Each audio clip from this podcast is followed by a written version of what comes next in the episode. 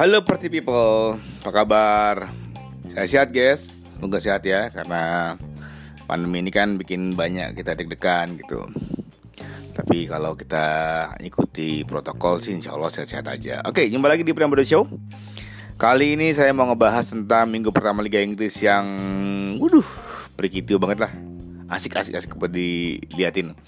Um, Seru banget Liga Inggris. Ternyata ada beberapa belum sampai kejutan tapi ada beberapa highlight yang menarik dari eh, tim-tim yang bermain di pekan pertama.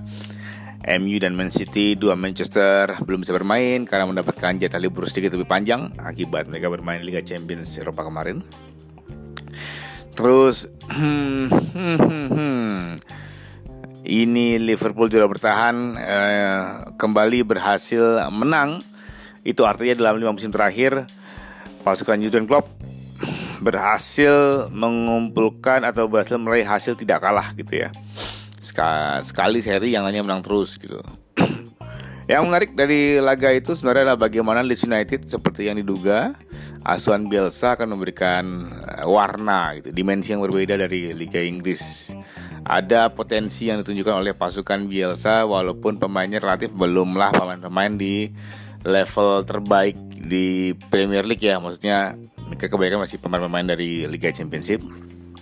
Um, bukan pemain-pemain yang um, in top mind begitu. Walaupun ada beberapa sosok yang kayaknya tampil oke okay banget seperti Paul Hernandez mainnya oke, okay. Bamford secara mengejutkan, mainnya juga ternyata cukup merepotkan. Andai kata dia punya mobilitas lebih tinggi mungkin akan lebih banyak gol yang tercipta tuh karena kemarin backnya Liverpool mainnya amuh amit amit bukan bukan back saja sih. Kalau menurut gue adalah cara bertahan Liverpool yang menurut gue sudah mulai terbaca dengan pasukan musuh-musuhnya.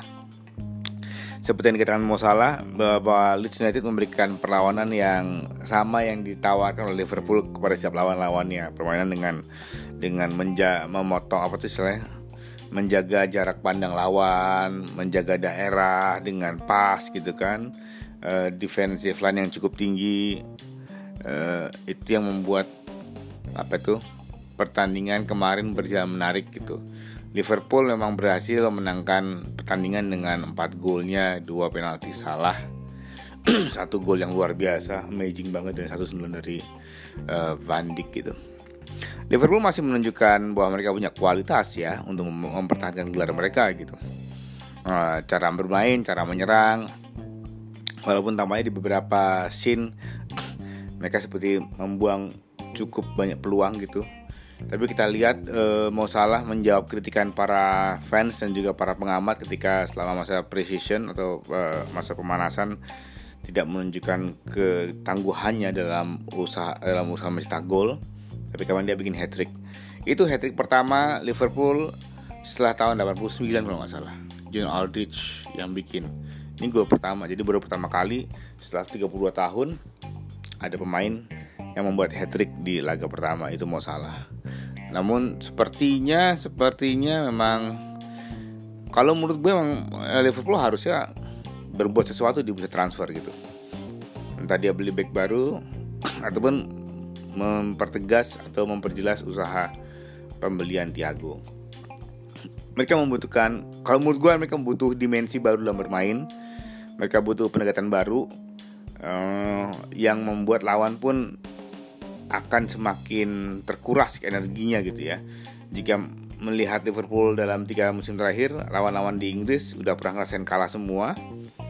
Mereka udah cukup, mereka menganggap Liverpool dan Man City kemarin musim lalu berada di level yang berbeda. Nah, harusnya uh, Liverpool berada juga di memberikan tawaran baru kepada lawan-lawannya. Ini gue juga bisa main kayak gini nih.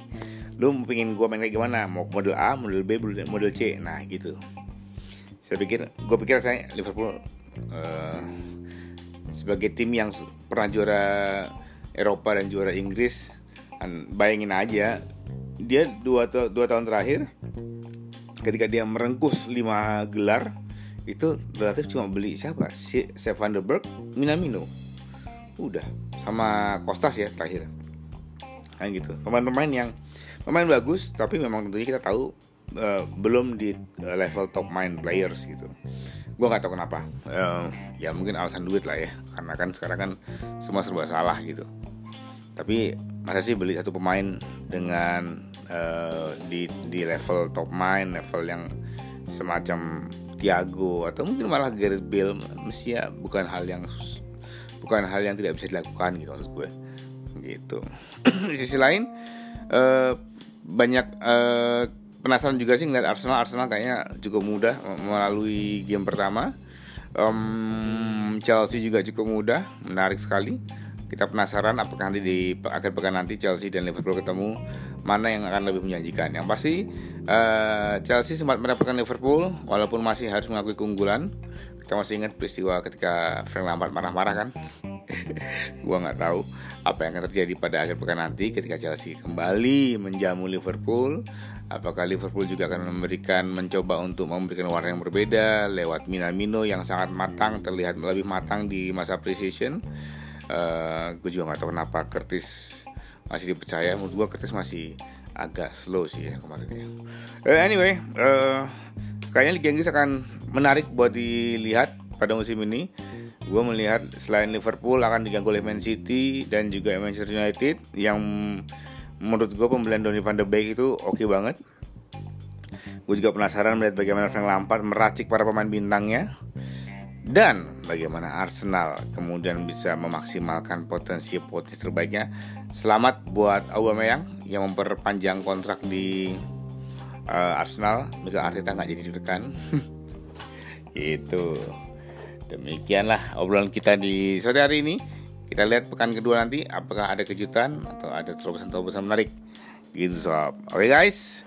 Kita Show ngomongin Liga Inggris pekan pertama kelar. Kita jumpa lagi di Show berikutnya. See you guys